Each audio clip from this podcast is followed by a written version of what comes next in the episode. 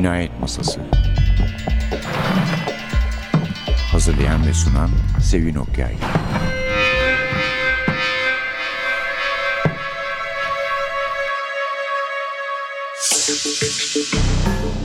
Merhaba, NTV Radyo'nun Cinayet Masası programına hoş geldiniz.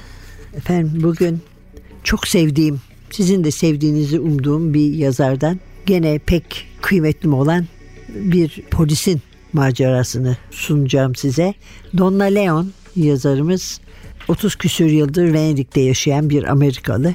Kahramanımız da bu durumda elbette Komisario Guido Brunetti ki kendisi gerçekten de polis karakterlerimizin en iyilerinden, en çok sevilmeyi hak edenlerinden biridir. Mesele şu ki şimdi size bu kitabı anlatamayacağım. Elimdeki kitabı ki Donna Leon'un son Brunetti kitabı oluyor.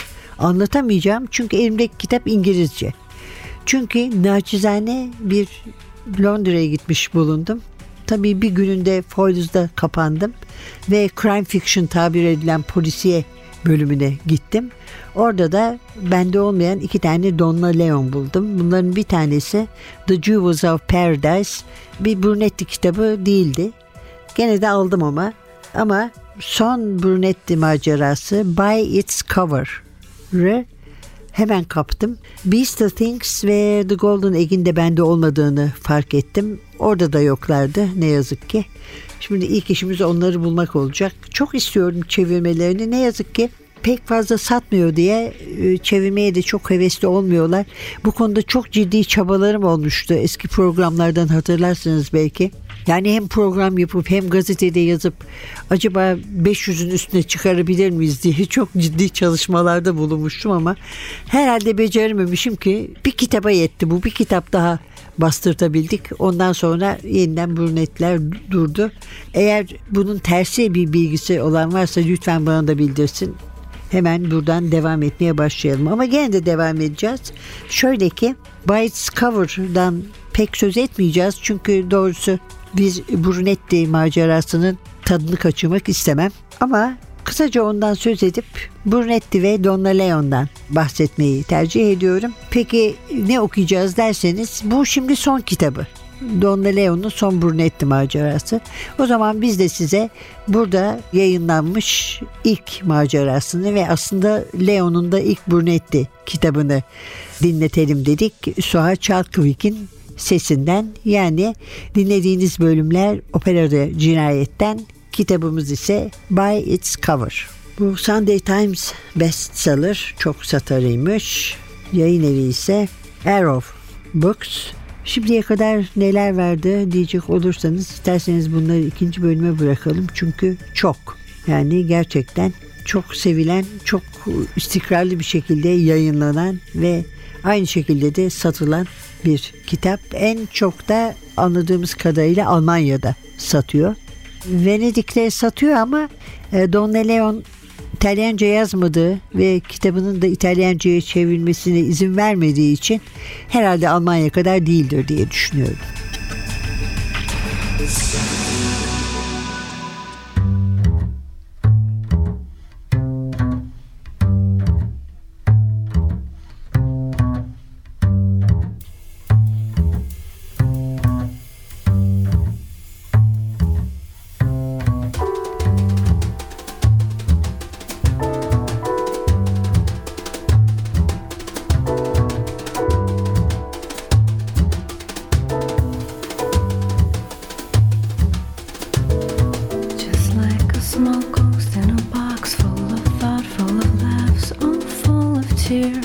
full of love, full of hopes, full of fear. Just like a blue fish in a tank, I can swim, I can dance.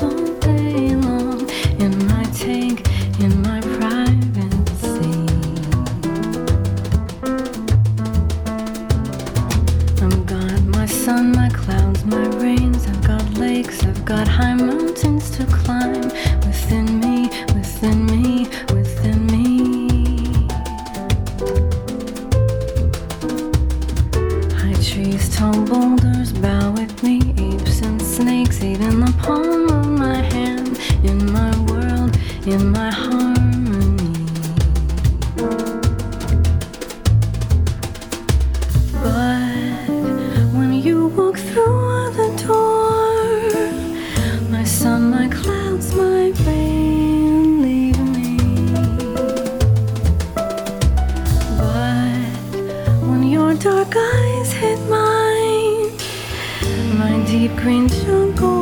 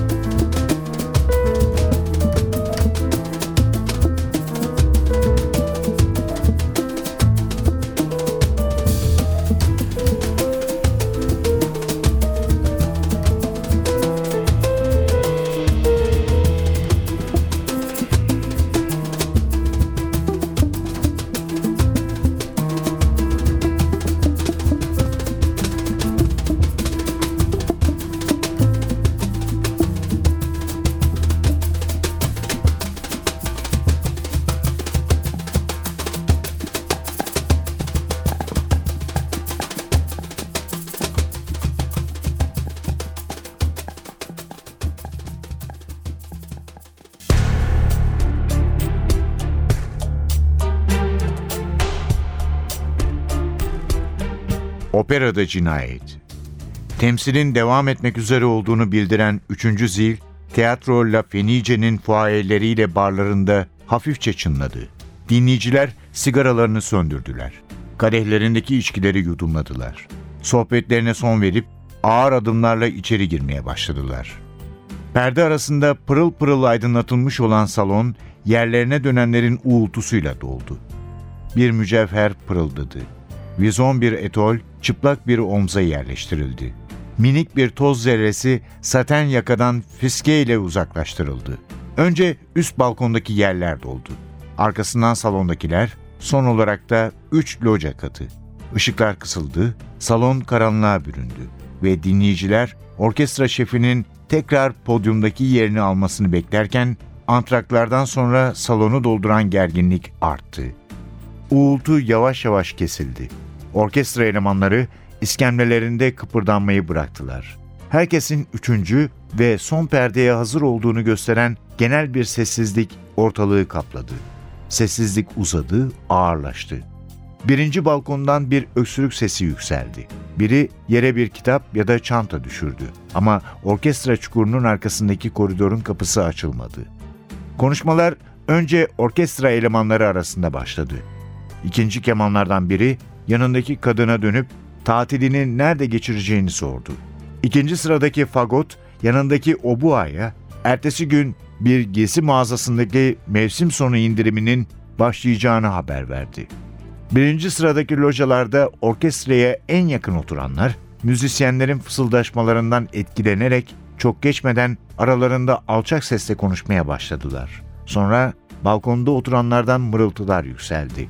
Hali vakti yerinde olanlar bu tür densizliklere en son teslim olurmuş gibi son olarak da ön sıralardaki dinleyiciler konuşmaya başladılar. Fısıltılar mırıltılara dönüştü. Dakikalar geçti. Birdenbire koyu yeşil kadife perdenin katları geriye doğru çekildi.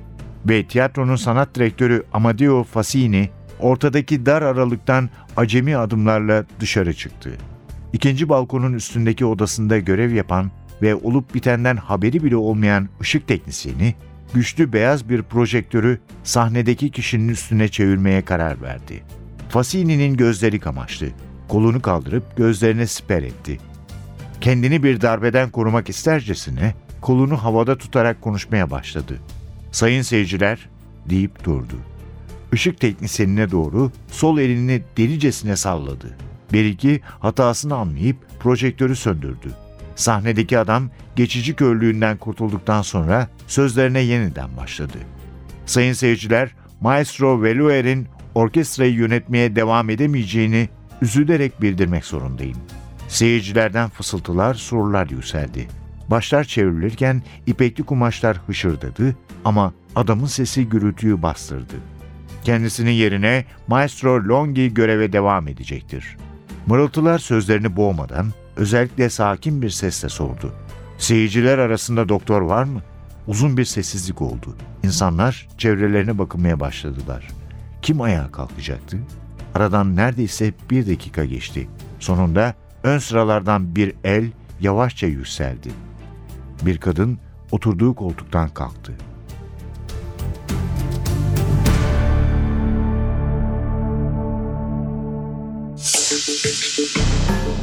Donna Leon adeta bir Venedikli. Afrika ve Asya kıtası dahil çeşitli ülkelerde İngilizce öğretmenliği yapmış Leon. Sonra Venedik'e yerleşmiş.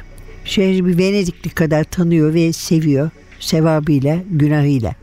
Hatta onun Venedik'in yozluğu ve çöküş içinde oluşu şehri okurun gözünde daha da cazip hale getiriyor diyebiliriz. Kokularıyla, ışıkları ve loşluğuyla, yağmuru çamuruyla, sesleri ve lehçesiyle yaşayan bir şehir. En çok Almanya'da sattığını söylemiştik. İtalya'da da satıyor ama demin de söylediğim gibi Almanya kadar değil. İtalyanlar Donna Leon'u seviyorlar. Venedikliler de seviyor ama şöyle seviyorlar. Burada oturan Amerikalı kadın diyorlar. Çünkü Venedikli sayılmanız için anlaşılan aradan sahiden yüzlerce yıl geçmesi gerekiyor. Donna Leon da artık hiçbir zaman Venedikli sayılmayacağını anlamış. Çünkü Venedikli olmak başka bir şey. İtalyan olmak değil. Venedikliler hala kendilerini ebedi imparatorluğun varisleri olarak görüyorlar ve İtalyanlardan çok daha iyi olduklarını düşünüyorlar. Leon da bunu almış kabullenmiş ve hiç değilse Venediklilerin sevdiği bir Amerikalı kadın olmayı hedeflemiş kendisine. Öyle de olduğunu söyleyebiliriz. Efendim Brunetti'ye gelecek olursak Önce son kitaptan çok kısa bir söz edelim. Bu 23. Brunetti romanı. Brunetti bir telefon alıyor. Biblioteka Merula'nın baş kütüphanecisi olan Fabiani Hanım'dan bir hırsızlık olmuş. Aslında koleksiyondan yani kitaplar gitmiş ama kitapların tamamı gitmekten ziyade içlerinden sayfalar kaybolmuş. Fabiasa'nın eli ayağına dolanmış bir şekilde komiseryoyu çağırıyor ve bu macerada böylece başlıyor. Kütüphane personeline göre şüpheli bir Amerikalı araştırmacı Ama Brunetti kısa bir soruşturmanın arkasından onun tek başına hareket etmiş olamayacağı sonucuna varıyor. Ve çok geçmeden de kendisini antika kitapların kara borsasının karanlık sırlarına dalmış buluyor.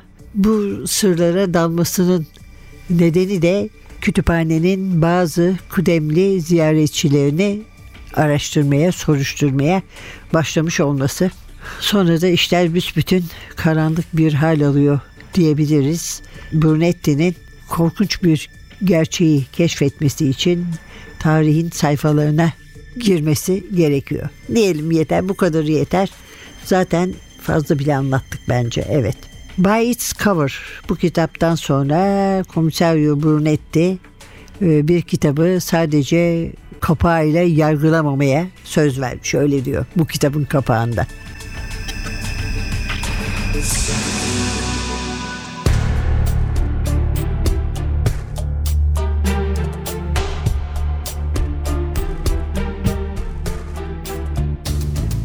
Flavia. Daha önceleri de birçok kez onunla çalışmıştı. Helmut'taki değişiklikten rahatsız oluyordu. Bir keresinde bunu bana da söyledi. Ne dedi? Önemli bir şey değil. Daha genç ve tecrübesiz şeflerden biriyle çalışmaya benzetti. Bunu başkaları da söyledi mi? Hayır, hiç kimse. En azından bana söyleyen olmadı. Arkadaşınız Saverio bu akşam tiyatroda mıydı? Saverio Napoli'de, dedi Santore soğuk bir edayla. Anlıyorum. Brunetti gereksiz bir soru sorduğunu fark etti. Aralarındaki rahat ve samimi hava birden yok olmuştu. Venedik'te ne kadar kalacaksınız Signore Santore? Genellikle prima. İlk temsil başarıyla atlatıldıktan sonra ayrılırım. Ama Helmut'un ölümü durumu değiştirecek. Yeni orkestra şefi prodüksiyona iyice alışana kadar birkaç gün daha kalacağım herhalde. Brunetti sesini çıkarmayınca Santore sordu. Floransa'ya gitmeme izin verilecek mi? Ne zaman? 3-4 gün içinde. Yeni şefin yönettiği en az bir temsili daha izlemem gerekir. Ama sonra evime dönmek istiyorum. Dönmemeniz için hiçbir neden yok dedi Brunetti ayağa kalkarak. Size ulaşabileceğimiz bir adres vermeniz yeterli. Ama bunu yarın tiyatrodaki adamlarımdan birine de verebilirsiniz. Elini uzattı. Santore de ayağa kalkıp uzatılan eli tuttu. Konya teşekkürler. Agamemnon için iyi şanslar dilerim. Santore gülümseyerek teşekkür etti. Brunetti başka bir şey söylemeden ayrıldı. Brunetti yıldızlarla bezeli gökyüzünün ve boş sokakların keyfini çıkarmak için eve yürüyerek dönmeye karar verdi. Otelin önünde durup hangi yoldan gideceğini düşündü. Her Venedikli gibi o da kentin planını ezbere bildiğinden en kısa yolun Rialto Köprüsü'nden geçtiğini hatırladı.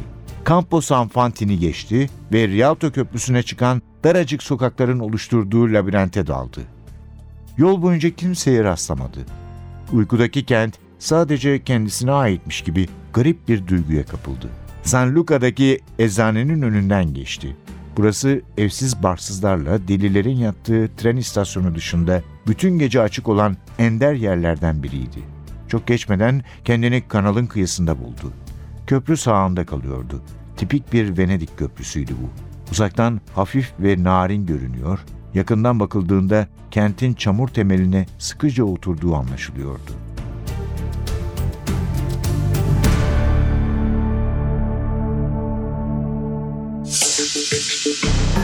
Komisario Guido Brunetti. Brunetti'nin en büyük özelliği ideal bir koca ve aile babası olması. Azdır kahramanlarımız arasında böylesi. Öğlenleri yemek yemeye evine gidiyor ki bu yemeklerde Brunetti serisinin hoş ayrıntıları arasında yer alır. Şimdi bu eve gitmesinin bir nedeni e, evine yeterince yakın olması ve evine düşkün olması ise diğeri de karısı Paula'nın çok güzel yemek yapması. Paula alışveriş ediyor ve kabuklu deniz hayvanları, balıklar ve spagettilerin sık sık ön plana çıktığı nefis yemekler yapıyor. Guido ise evine olduğu gibi boğazına da düşkün. Kapıdan girince havayı koklayarak karısının ne pişirdiğini tahmine çalışıyor. Yeni etme çağındaki kızlarıyla oğullarını ne kadar seviyorsa karısını da seviyor. Hatta daha bile fazla seviyor belki. Üstelik de Paula lafını hiç esirgemediği kocasını sık sık eleştirdiği halde. Hatta bu sevgiyi karısının kirli işlere karıştığını düşündüğü bir turizm bürosunun vitrin camını iki kez taşlayıp aşağı indirerek tutuklanması bile sarsmıyor diyelim. Oysa takdir edersiniz ki böyle şeyler bir komiserin mesleki durumu açısından hiç de hoş sayılmaz. Hele başında her an onun ayağını kaydırmaya çalışan kabiliyetsiz ama iyi ilişkilere sahip Patta diye bir üst varsa. Neyse ki bu üstün sekreteri olan güzel, zarif, zeki ve becerikli Signora Eletra sık sık Brunetti'nin yardımına koşuyor. Questura'daki çalışmalar sırasında. Brunetti modern polisiyenin en sevilmeye layık dedektiflerinden biri demiştim. Dikkati çekmeyen, herkes gibi bir adam. Titiz ve tertipli görünüyor. Kravatı sıkıca düğümlenmiş. Saçları normalden kısa kesilmiş. Leon sanki kulakları bile dikkati çekmemek için kafasına yapışmış gibi diyor. Brunetti'nin onu diğer polislerden dünyanın neresinde olursa olsun farklı kılan bazı özellikleri var. Bir kere hassas bir adam. Karşısındaki insanların duygularına önem veriyor, onları kırmamaya çalışıyor. Eh pek de polisiye bir özellik sayılmaz tabii. Ayrıca sol eğilimli, tümüyle kokuşmuş bir sistemin içinde namuslu bir adam olarak görevini mümkün mertebe yerine getirmeye çalışıyor. Karısı Paula da aynı siyasi tercihte. Leon gibi İngiliz edebiyatı hocası. Kökeni ise görüşlerine pek uygun değil. Çünkü Brunetti'nin itirazlarına rağmen bazen yardım istemek zorunda kaldıkları soylu, zengin, güçlü bir babası var. Bu aile ilişkilerini de son derece dengede tuttuğu için e, yani ailede olup biten olayları, çocukların sorunlarını nasıl çözdüğünü, Paola'nın en son neyi kafaya taktığını, aile büyükleriyle olan ilişkilerini de neredeyse o romandaki eser neyse onun kadar merak ediyoruz bu durumda. Bir de aç karnına okumayın diyeceğim çünkü yani hakikaten çok güzel yemekler yapıyor Paula ve Donna Leon da onları neredeyse kokuları ve tatları ile birlikte anlattığı için bayağı moral bozucu olabilir. Karın açken okumak.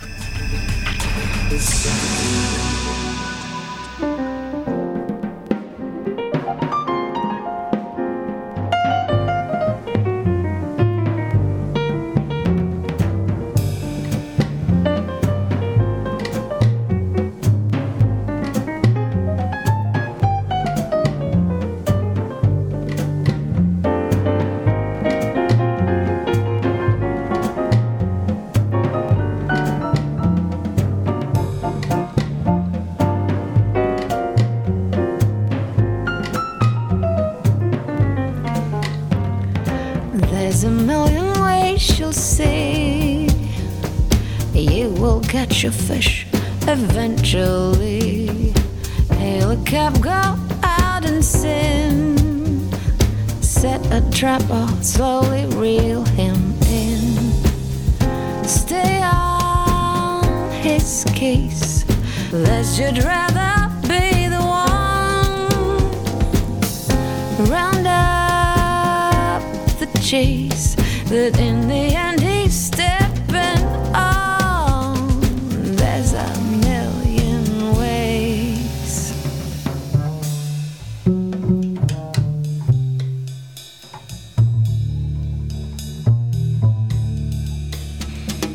There are different ways to go. Tell him only what he needs to know. Show him some what you've got. Leave him hungry, save that real good stuff. He's yours to tame. Let you'd rather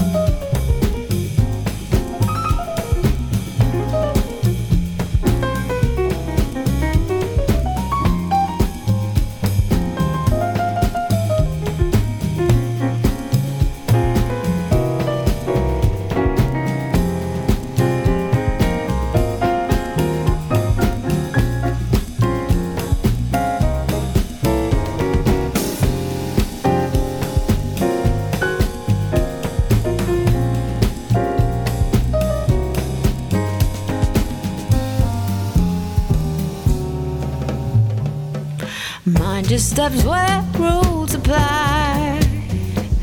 That's in cases where the stakes are high. There's a certain way to act.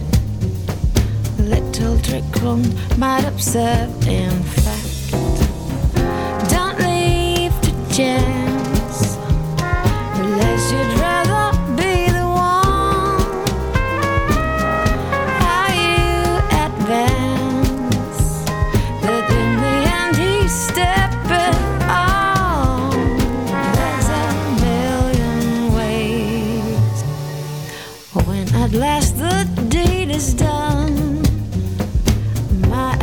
advice that you tell no one. Let it be a mystery why you left so unexpectedly. You set the pace. They should rather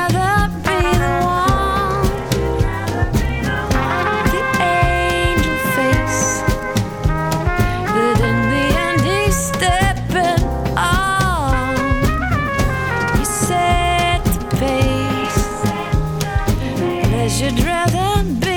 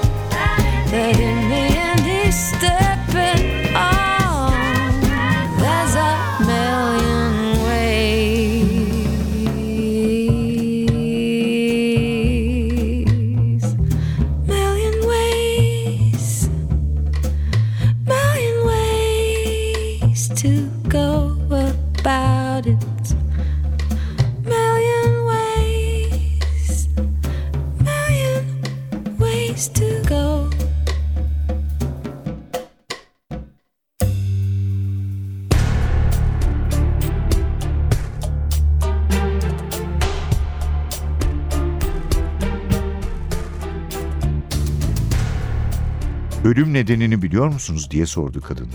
Bu sabah patologla konuştum. Siyanür olduğunu söyledi. Kahvesine konulmuş. Demek çabuk ölmüş. Hiç değilse bununla avunabiliriz. Evet diye onayladı komiser. Her şey bir anda olup bitmiş olmalı. Not defterine bir şeyler karalayıp sordu. Bu zehir konusunda bilginiz var mı? Kadın karşılık vermeden göz ucuyla komisere baktı.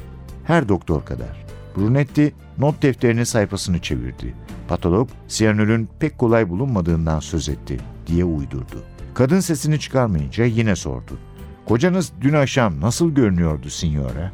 Davranışlarında garip ya da dikkati çekecek bir şey var mıydı? Kadın sigarasının ucunu tablada çevirmeye devam ederek karşılık verdi. Hayır, bana kalırsa her zamanki gibiydi. Peki her zaman nasıl olduğunu sorabilir miyim? Biraz gergin, içine dönük. Temsilden önce ya da aralarda kimseyle konuşmaktan hoşlanmazdı. Dikkatini dağıtmak istemezdi. Brunetti bunu normal karşıladı. Dün gece her zamankinden daha sinirli görünüyor muydu? Kadın bir an düşündü. Hayır sanmıyorum. Saat 7'ye doğru tiyatroya birlikte yürüdük. Evimiz oldukça yakın. Brunetti başıyla onayladı. Henüz erken olduğu halde salondaki yerime gittim. Yer gösterenler beni provalardan tanırlar. İçeri girmeme izin verdiler. Helmut üstünü değiştirip partisyona göz atmak üzere sahne arkasına gitti. Özür dilerim signora ama kocanızın orkestrayı partisyonsuz yönetmekle ün yaptığını bir yerlerde okuduğumu sanıyordum. Kadın gülümsedi. Ha tabii yönetirdi ama partisyonu her zaman soyunma odasında bulundurur, temsilden önce ve aralarda göz gezdirirdi. Bu yüzden mi aralarda rahatsız edilmek istemezdi? Evet. Dün akşam onunla konuşmak üzere sahne arkasına gittiğinizi söylemiştiniz. Kadın karşılık vermeyince Brunetti sordu. Bu alışılmış bir şey miydi? Hayır, dediğim gibi temsil boyunca kimseyle konuşmak istemezdi. Dikkatinin dağıldığını söylerdi. Ama dün akşam ikinci perdeden sonra sahne arkasına gelmemi istedi. Sizi çağırdığında Yanınızda başka kimse var mıydı? Kadının sesi sertleşti. Yanımda bir tanık olup olmadığını mı sormak istiyorsunuz?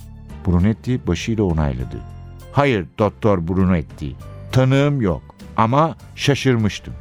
Neden? Çünkü Helmut pek ender olarak böyle nasıl söyleyeceğimi bilemiyorum olağan dışı işler yapardı. Günlük alışkanlıklarının dışına çıkmazdı. Bu yüzden temsil sırasında benimle konuşmak istemesine şaşırmıştım. Gittiniz mi?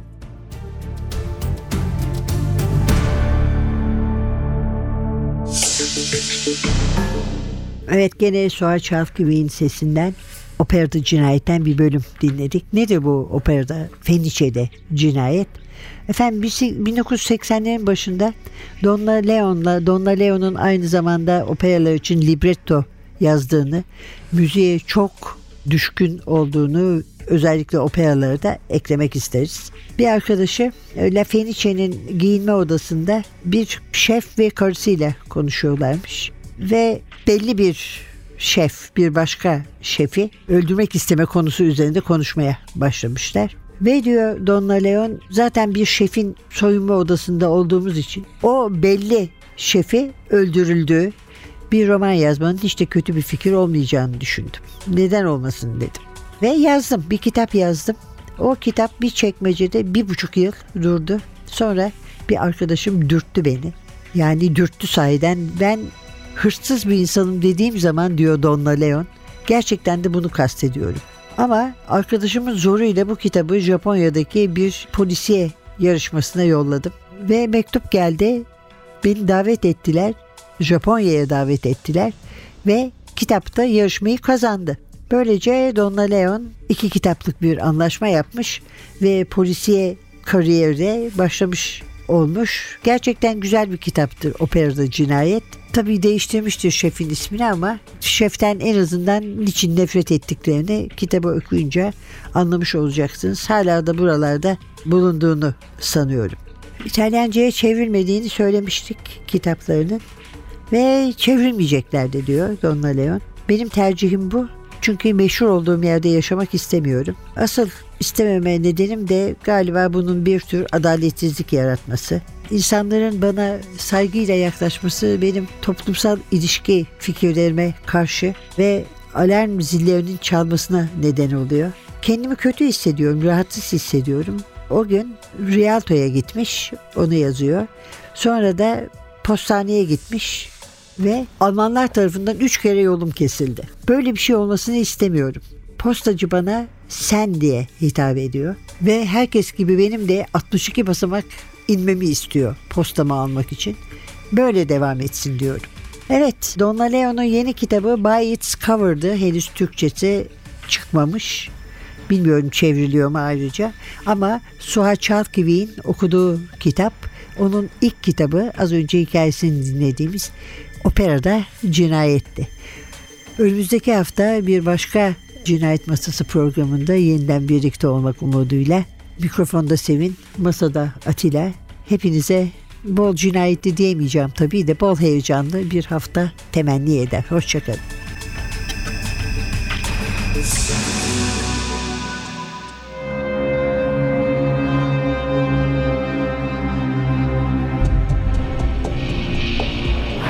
Cinayet Masası Hazırlayan ve sunan Sevin Okyay